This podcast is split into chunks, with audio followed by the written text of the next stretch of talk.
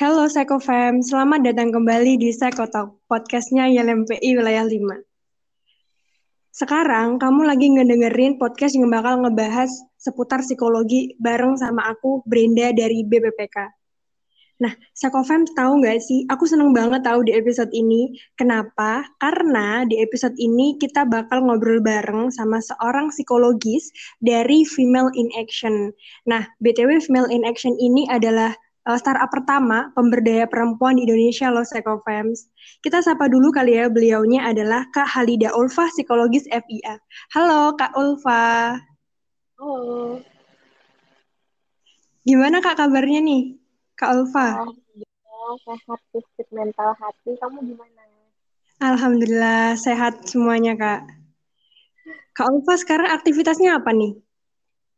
Aku sekarang ini uh, sedang mengajar juga di kampus, terus asos, uh, sebagai psikolog asosiat di beberapa platform mental health. Itu aja sih. Oke deh. Uh, ini bener kan ya kalau FIA itu uh, startup pemberdaya untuk perempuan gitu? Benar. Jadi uh, FIA ini uh, berfokus ke pemberdayaan perempuan di mana kita mendukung dan membahas semua isu-isu yang berkaitan dengan perempuan. Oke deh. Alfa mungkin uh, speakernya boleh lebih dideketin lagi nih biar lebih kedengeran. Oke, aku pakai ini sih coba aku. Kira-kira nih keren nggak? Wah, sip, sip Kak. Udah udah kedengeran nih. Oke. Okay. Garin. Tadi gimana Kak? FIA itu uh, startup yang gimana? Uh, yang fokusnya itu di pemberdayaan perempuan, di mana kita ngebahas isu-isu yang berkaitan dengan perempuan. Dan kita juga punya uh, aplikasi di mana teman-teman bisa uh, konsultasi nih terkait banyak hal. Wah, kelihatannya keren nih. Sekofem, mungkin dari Sekofem ada yang baru tahu nih kalau ternyata ada loh startup pemberdaya perempuan di mana uh, dia ngedukung mimpi, karir dan juga memberikan inovasi kepada para perempuan begitu ya Kak ya? Betul. Nanti Sekofem bisa dicoba deh, bisa dilihat uh, aplikasinya FIA ini kayak gimana sih. Topik yang akan uh, kita bahas yang bakal kita obrolin pada uh, episode kali ini yaitu trauma bisakah pulih kembali. Jadi kita bakal ngobrolin tentang trauma-trauma yang mana nanti mungkin ada sangkut pautnya sama uh, peristiwa traumatis dan mungkin uh, sama hal-hal yang berkaitan sama perempuan gitu. Nah, Kak Alfa, uh, mungkin ya. dari uh, aku sendiri nih atau mungkin dari teman-teman juga mungkin masih suka yang bertanya-tanya nih Kak. Mm-hmm. Uh, suka bertanya-tanya ke diri sendiri sebenarnya uh, aku tuh punya trauma nggak sih gitu? Oke. Okay. Mungkin uh, Kak Olsa bisa jelasin nih, sebenarnya trauma itu gimana sih Kak gitu? Oke, jadi kalau misalnya kita tinjau secara definisi, trauma itu adalah respon emosional yang disebabkan karena adanya pengalaman tidak menyenangkan atau kejadian yang mengandung tingkat stressful yang tinggi. Singkatnya kita punya pengalaman yang gak menyenangkan atau uh, kejadian-kejadian yang tingkat stresnya tinggi banget yang itu biasanya menyebabkan trauma. Kayak misalnya kecelakaan, pemerkosaan, kekerasan, konflik sampai ke bencana alam. Seperti itu. Gitu kalau bentuk dari traumanya sendiri tuh gimana tuh, Kak? Kalau bentuk itu dia biasanya gejala yang muncul uh, uh, trauma ini sendiri kan ada beberapa tingkat gitu ya. Hmm. Jadi uh, yang muncul itu biasanya ada emosi yang tidak terduga, terus kemampuan untuk merasakan emosi, terus adanya perasaan helplessness atau perasaan tidak berdaya, terus kayak mimpi buruk yang berulang-ulang ter terkait suatu kejadian yang tidak menyenangkan tersebut. Terus dampaknya banyak banyak lagi. Nah, trauma ini juga bisa terjadi kalau misalnya kita menyaksikan sesuatu yang uh, suatu kejadian traumatis yang uh, menimpa orang lain dan di depan mata kita sendiri nih. Jadi trauma itu nggak cuman kita yang ngalami sendiri, tapi juga bisa terjadi, uh, juga bisa muncul kalau kita ngelihat uh, kejadian traumatis muncul di uh, hadapan kita. Jadi kayak ke trigger gitu nggak sih kak? Uh, iya benar. Nah terus uh, ini kan berarti trauma itu uh, ada sangkut pautnya sama emosi. Terus gimana caranya kita untuk memahami emosi itu? Oh ternyata ini tuh bukan emosi biasa, tapi emosi yang uh, hadir karena pernah adanya trauma gitu gimana tuh kak? Eh, aku jelasin sedikit bahwa biasanya trauma ini nggak langsung muncul setelah kejadian traumatis ya. Jadi hmm. setelah kejadian traumatis tersebut baru kemudian gejala-gejala trauma itu muncul. Nah, gimana yang ngebedain emosinya yang wajar sama emosi yang karena trauma. Biasanya emosi-emosi yang muncul karena trauma ini uh, apa ya, pekat atau kuat. Kayak misalnya ketakutan yang berlebihan, terus kayak uh, ngelihat sesuatu yang nggak berhubungan sama kita, tiba-tiba kita ngerasa sedih banget gitu. Hal-hal kayak gitu yang uh, bisa menandakan bahwa oh mungkin ada trauma yang muncul. Itu. Terus uh, dari emosi itu, apakah mm-hmm. semua trauma itu bisa menimbulkan gangguan kak? Kayak ketakutan, kecemasan yang tadi kak Olva bilang? Enggak semua trauma menimbulkan gangguan, akan tergantung sama ketahanan seseorang, terus kayak reaksi copingnya, sama pola proses pikir yang yang yang menyangkut individu gitu. Jadi nggak semua trauma itu memunculkan gangguan-gangguan psikologis. Tapi walaupun gitu, uh, semua orang itu sebenarnya berpotensi buat mengalami trauma nggak sih kak? Walaupun misalkan punya trauma, tapi dia nggak selalu dalam bentuk eh, menimbulkan gangguan gitu. Okay. Karena kan kalau uh -huh. Kadang kita dihadapkan sama hal-hal yang kita nggak duga gitu kan, baik itu muncul dari orang sekitar ataupun dari hal yang emang nggak kita duga gitu. Itu bisa menimbulkan trauma nggak? Maksudnya semua orang akan berpotensi untuk uh, punya trauma nggak gitu?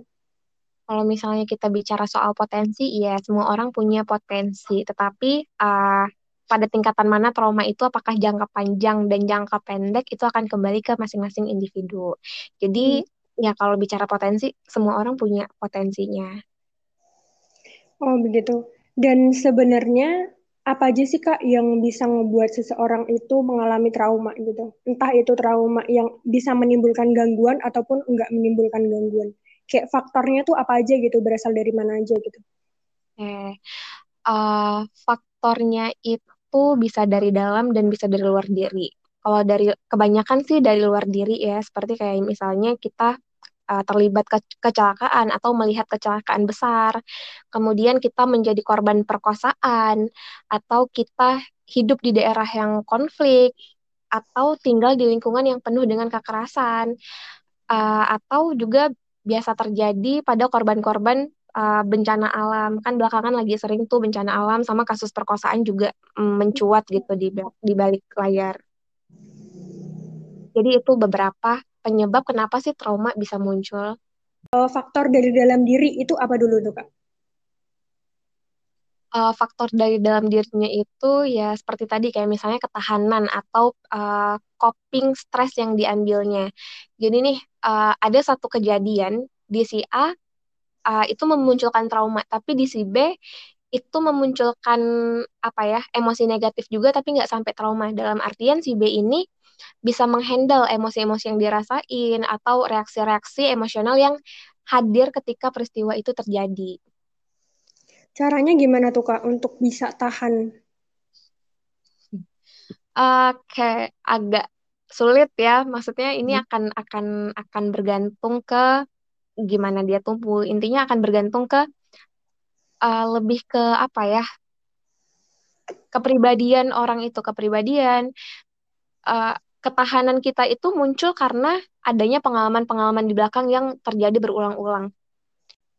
Oke gimana memiliki ketahanan uh, pertama kita uh, itu akan tergantung bagaimana kita melewati hari-hari di belakang kemudian akan tergantung juga bagi, uh, di lingkungan seperti apa kita tumbuh kemudian uh, pola pikir yang kita yang kita munculkan kayak misalnya nih ada seorang ada dua orang anak mengalami kekerasan dalam rumah tangga.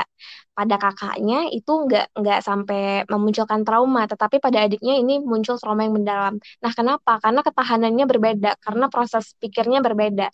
Si kakak mungkin uh, punya ketahanan yang lebih besar karena uh, punya ketahanan yang lebih besar karena respon emosi respon emosi dan regulasi emosinya itu baik gitu dan copingnya juga baik. Jadi uh, sementara si adik uh, belum menemukan coping yang tepat sehingga emosi-emosi negatif itu tuh tertimbun gitu. Jadi muncul nih si trauma. Kalau misalnya gimana caranya kita meningkatkan ketahanan, uh, pertama adalah mengenali pasti semua hal dimulai dari mengenali diri sendiri dulu, kemudian melihat nih kita kurang di mana dan kendala kita untuk mencap untuk memenuhi kekurangan itu apa. Dan itu akan bergantung bagaimana kita mengimprove diri kita. Gitu. Oke, jadi ketahanan itu emang bisa dilatih ya Kak, selain ada pengalaman faktor juga orang sekitar gitu.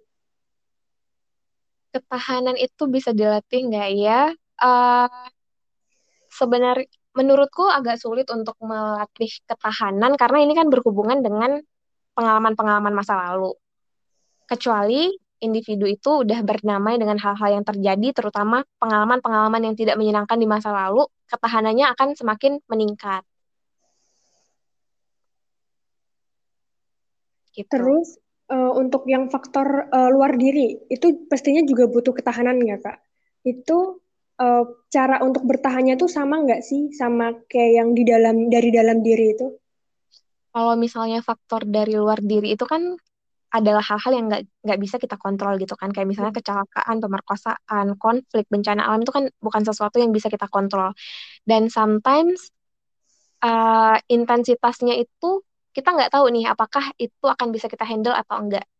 Hmm. Jadi nggak bisa dibilang bahwa kita bisa mempersiapkan diri. Bisa sih kita bisa mempersiapkan diri untuk segala kemungkinan, tapi belum tentu ketika sesuatu yang buruk itu terjadi kita akan oke okay, gitu. Oke Kak Ulfa, uh, misal ada kasus nih, misalkan ada adik aku, dia itu menyaksikan peristiwa kecelakaan gitu. Tapi aku mm-hmm. nggak tahu nih, uh, dari peristiwa ini nanti suatu hari akan menimbulkan sebuah gangguan atau trauma atau enggak gitu. Terus aku ngebawa adik aku ke profesional nih, ke psikolog gitu misalkan dengan alasan uh, untuk jaga-jaga aja gitu misalkan nanti suatu hari nanti terjadinya suatu hal yang nggak diinginkan. Nah itu sebenarnya bisa nggak sih kak kan belum memunculkan uh, suatu gejala gitu, tapi terus aku bawa ke psikolog gitu, gimana tuh? Oke, kalau misalnya case-nya begitu, sebenarnya kalau misalnya anak-anak melihat kejadian yang besar, yang kira-kira uh, stressful dan traumatis, biasanya akan ada gejala kayak misalnya nang sering nangis tiba-tiba, rewel, dan lain sebagainya. Tapi kalau misalnya kasusnya memang belum ada gejala yang terlihat, uh, coba kita kasih space waktu beberapa hari untuk observasi oleh pihak rumah, kemudian uh, beberapa hari kemudian boleh banget untuk dibawa ke profesional untuk uh, kita lihat apakah ada kemungkinan-kemungkinan terjadinya trauma pada anak setelah melihat kejadian tersebut. Itu. Oh gitu. Nah, uh, tapi kenapa nih kak? Aku sempat dengar-dengar juga kalau uh, trauma itu biasa terjadi di usia yang anak-anak gitu. Dan apakah usia dewasa atau usia uh, tua itu mereka juga bisa rentan terkena trauma kak. Eh, kenapa lebih sering terjadi lebih rentan anak-anak karena tadi pertama mereka proses pikirnya masih masih belum cukup gitu masih apa ya belum belum cukup konkret belum cukup abstrak belum cukup baik dalam mengelola pikiran jadi di di pikirannya sendiri apa yang dia lihat biasanya akan terekam gitu kan. Sementara kalau misalnya pada orang dewasa, uh, kerentanannya harusnya agak sedikit berkurang karena sudah bisa sudah punya skill untuk mengelola pikiran, meregulasi emosi. Tetapi nggak menutup kemungkinan bahwa orang dewasa juga juga bisa mengalami trauma uh, pada masa dewasa. Nah, uh, di sini biasanya kalau misalnya nih kita ngalamin suatu kejadian pada masa anak gitu kan, kayak misalnya nih uh, kejadian tsunami kemarin ada yang teman-teman seumuran aku kan kenanya itu eh maksudnya uh, ketika tsunami itu terjadi kan masih anak-anak gitu kan. Yeah. Nah, justru gejalanya itu terlihat ketika mereka udah dewasa. Sometimes kayak gitu kasusnya. Tapi hmm. ketika dewasa pun kita ngalamin hal-hal yang kayak tadi aku contohin perkosaan itu pun bisa menyebabkan trauma. Jadi uh, sebenarnya trauma bisa terjadi ke ke berbagai usia sih nggak nggak ngelihat nggak ngelihat di usia mana aja cuman memang pengalaman-pengalaman nggak menyenangkan di masa kecil yang justru cenderung lebih mendorong untuk muncul trauma. Oke deh, terus kalau misalkan ada kasus nih kak, uh, kekerasan fisik misalkan, kekerasan fisik misalkan pada anak gitu. Terus uh, ada nih orang ketiga dia ngasih edukasi ke anak yang setelah mendapatkan uh, mendapatkan kekerasan fisik ini. Nah, edukasi yang diberikan ke si anak ini bisa meminimalisir terjadinya trauma nggak sih, Kak? Karena kan diedukasi, misalkan uh, dikerasin, terus si orang ketiga ini bilang, uh, orang itu uh, keras sama kamu karena mendidik kamu, itu cara mereka sayang sama kamu gitu. Nah, itu bisa kayak minimali, meminimalisir uh, terjadinya trauma nggak sih dengan edukasi itu? Oke, kalau misalnya begitu, kita harus ngelihat dari usia anak terlebih dahulu. Okay. Jadi ini akan tergantung ke usia anak. Kemudian uh, kita harus melihat siapa orang ketiganya ini siapa. Apakah orang significant others-nya atau yang di luar significant others.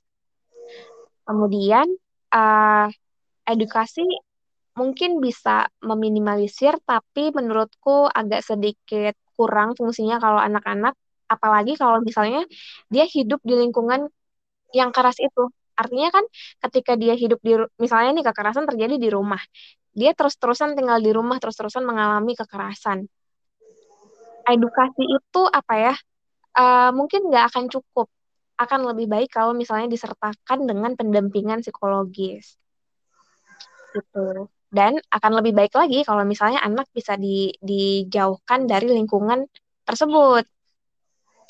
Oke deh. Terus uh, kalau parenting atau kita sebagai orang dewasa tuh kak kita harus kayak gimana sih memberikan parenting yang baik untuk eh, anak-anak biar mereka itu enggak uh, terjadi trauma ketika mereka dewasa gitu harus memberikan pola asuh yang seperti apa gitu. Oke, okay. uh, eh, kalau misalnya nih ditanya pola asuh seperti apa yang baik digunakan kepada anak tuh sebenarnya semua pola asuh ada plus minusnya masing-masing. Cuman yang paling penting adalah gimana kita uh, gimana kita membuat kelekatan dengan anak. Ketika hmm. anak lekat dengan kita, anak akan akan terbuka dengan kita. Dia akan bercerita tentang hari-harinya, dia akan bercerita tentang uh, apa yang dia alami, apa yang dia lihat, apa yang dia rasakan. Sementara kalau misalnya nih di keluarganya abai gitu, nggak peduli. Orang tuanya sibuk kerja, anaknya sibuk sekolah, sibuk main, sibuk sendiri masing-masing. Kelekatan itu kan akan nggak ada gitu komunikasinya juga akan kurang sehingga uh, bisa bisa besar kemungkinan anak ini tuh nggak punya tempat untuk dia sharing iya. apa yang dia alami, apa yang dia lihat.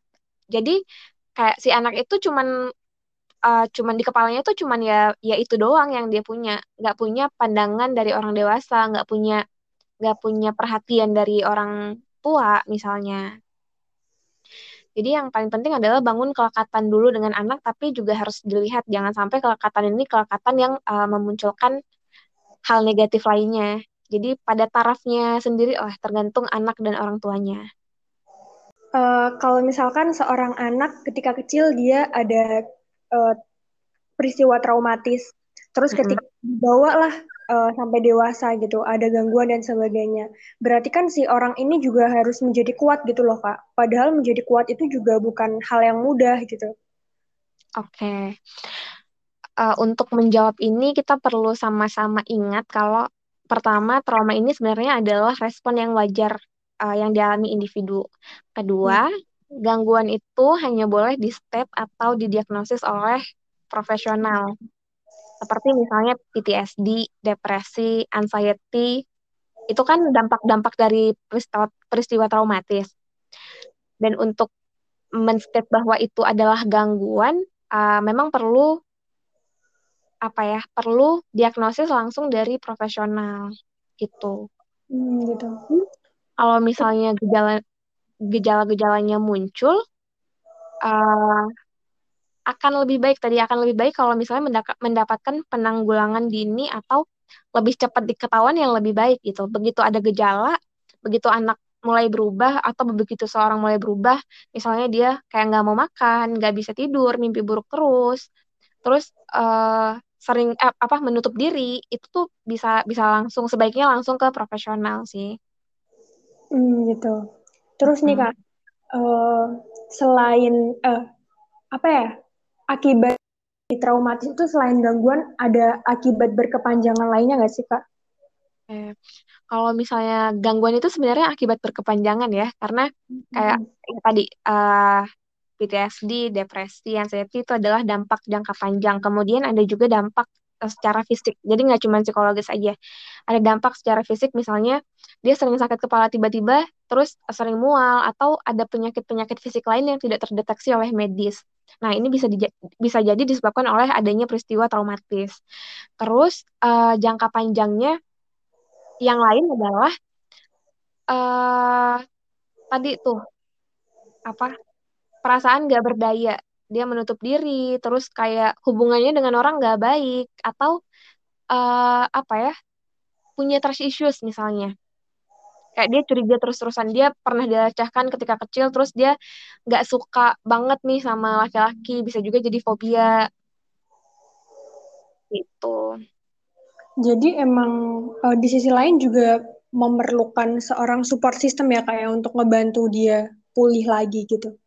Benar ya. kalau misalnya benar baik untuk anak atau orang dewasa support system itu penting banget di mana dia bisa merasa nyaman bercerita tanpa dijudge itu sih yang paling penting uh, signifikan others-nya berperan sangat penting di sini karena pun kalau misalnya dia nih dia sendiri datang ke ke profesional tapi lingkungan yang nggak mendukung itu hasilnya nggak akan maksimal hmm, gitu uh, terus uh, dari uh, trauma gitu. Mm-hmm. Gimana sih kak caranya untuk apa ya menghindari trauma gitu? Ataukah dengan uh, cara si bertahan yang tadi depan kah?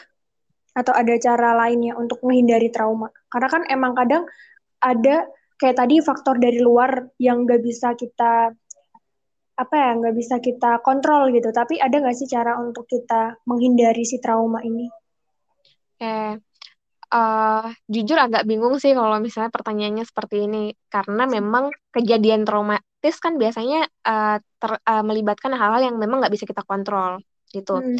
dan kita nggak tahu nih apa aja dampak dampak dari kejadian traumatis itu jadi sebenarnya kalau untuk menghindari trauma agak sulit hmm. tetapi mungkin bisa kita coba dengan uh, mengatasinya gitu tapi kalau menurutku Kayak sebelum mengatasi tadi kalau menurutku uh, kita perlu mencari support system yang benar, yang kita benar-benar bisa terbuka. Kemudian kita punya tempat untuk kita terbuka gitu, tempat kita cerita. Jadi uh, kejadian traumatis ini kan biasanya ya, biasanya akan lebih dalam di orang-orang yang menutup diri, yang dia nggak mau cerita, dia mendem masalahnya.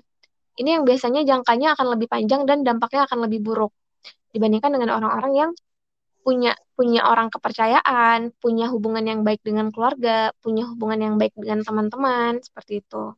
Nah, kalau untuk mengatasi trauma sendiri nih, misalnya kita punya gejala-gejala traumatis gitu. Uh, menurut penelitian, ada penelitian yang menyebutkan bahwa menulis tentang pengalaman traumatis atau pengalaman-pengalaman buruk, buruk itu bisa meningkatkan fungsi kehidupan. Dalam artian, dia akan uh, meningkatkan fungsi kayak uh, tadi dampak-dampak tadi itu terminimalisir atau berkurang gitu. Tapi memang untuk uh, kejadian trauma ini akan lebih akan lebih baik kalau misalnya memang mendapatkan langsung bantuan dari profesional. Oh gitu. Jadi dengan cara journaling atau nulis itu juga kayak bentuk uh, apa ya? Emosi gitu nggak sih kak? Kayak meluapkan emosi ke tulisan itu gitu. Benar. Jadi nggak nggak kita simpan sendiri. Hmm, gitu. Uh, terus nih Kak, uh, kalau trauma itu kan bisa dari peristiwa aja kayak uh, kecelakaan, kekerasan fisik, ataupun kadang verbal kayak bullying gitu. Termasuk juga yang tadi sempat uh, Kakak bilang di depan, yang sekarang pun juga lagi lagi banyak dibicarain yaitu kasus kekerasan uh, seksual Kak. Mm -hmm. Nah, uh, itu kan juga salah satu peristiwa yang bisa menyebabkan traumatis gitu. Nah itu belakangan ini tuh uh, lagi marak-maraknya gitu. Nah kakak nih sebagai uh, psikologis dari FIA, di mana FIA itu pemberdaya perempuan, gimana tuh tanggapan kakak mengenai uh, si kekerasan seksual ini yang bisa menyebabkan traumatis untuk apalagi para perempuan gitu. Oke, kalau boleh dispesifikin apa nih yang pengen diketahui?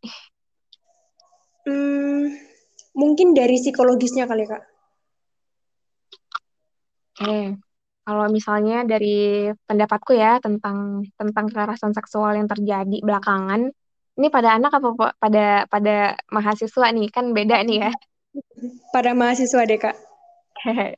Kalau pada pada mahasiswa tentu pasti trauma itu uh, akan muncul. Belum lagi uh, kita bisa lihat sekarang bahwa lingkungan kita itu gak semua menganggap bahwa kekerasan seksual itu adalah sebuah uh, kesalahan atau adalah sebuah bencana. Sebagian orang di kita masih menganggap bahwa kekerasan seksual yang terjadi itu adalah salahnya korban. Kenapa pakai baju mini? Kenapa nggak di rumah aja? Ngapain sih keluar malam-malam? Gitu. Itu yang masih banyak masih banyak apa ya? Masih banyak beredar di kita menyalahkan korban uh, dengan kondisinya. Padahal kalau misalnya kita tinjau lagi, nggak apa ya? Nggak semua korban itu perempuan pertama. Nggak, yang kedua, nggak semua korban itu memakai baju mini. Ada juga tuh yang bercadar tapi jadi korban kekerasan seksual. Kemudian yang perlu kita tanyakan adalah apakah kekerasan seksual cuma terjadi di luar rumah? Banyak banget tuh kasus di dalam rumah pun dia jadi korban, baik itu kekerasan fisik, kekerasan seksual dan itu adalah uh, dan itu dari orang-orang terdekatnya, ayah, paman, yang bahkan itu disaksikan oleh ibunya. Jadi menurutku lingkungan kita ini sebenarnya agak kurang sehat menilai ini. Iya, karena karena uh, justru kita nggak memberikan ruang aman untuk korban. Korban korban ini udah dia mengalami kejadian traumatis, dia dapat judgement, dia dapat stigma. Gimana tuh kira-kira keadaan psikologisnya?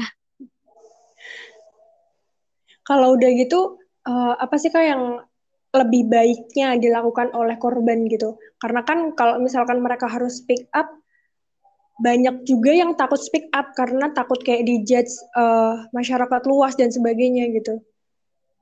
Oke. Okay. Hmm, apa yang bisa dilakukan korban? Pertama, sadari dulu bahwa kejadian yang kamu alami itu adalah nyata. Kamu telah mengalami itu, akan tetapi itu sudah di belakang gitu. Artinya kita menyadari bahwa kejadian tidak menyenangkan itu terjadi. Kemudian uh, berceritalah ke orang-orang yang bisa kamu percaya. Mungkin ini mudah ya, maksudnya mudah untuk kita berbicara sebagai orang yang belum atau tidak pernah mengalami. Iya. Dan iya. Uh, tanpa mengurangi rasa hormat, tanpa tanpa apa ya, tanpa memikirkan perasaan korban, maybe bisa ambil waktu dulu untuk sendiri karena balik lagi tadi ada proses di mana kita akan uh, kita memikirkan itu gitu. Kalau misalnya kita shock, kita sedih, kita marah, itu adalah hal yang wajar gitu. Tapi ketika teman-teman merasa bahwa teman-teman korban punya nih tiba-tiba punya keinginan bunuh diri, merasa hidup nggak berguna lagi, carilah bantuan profesional.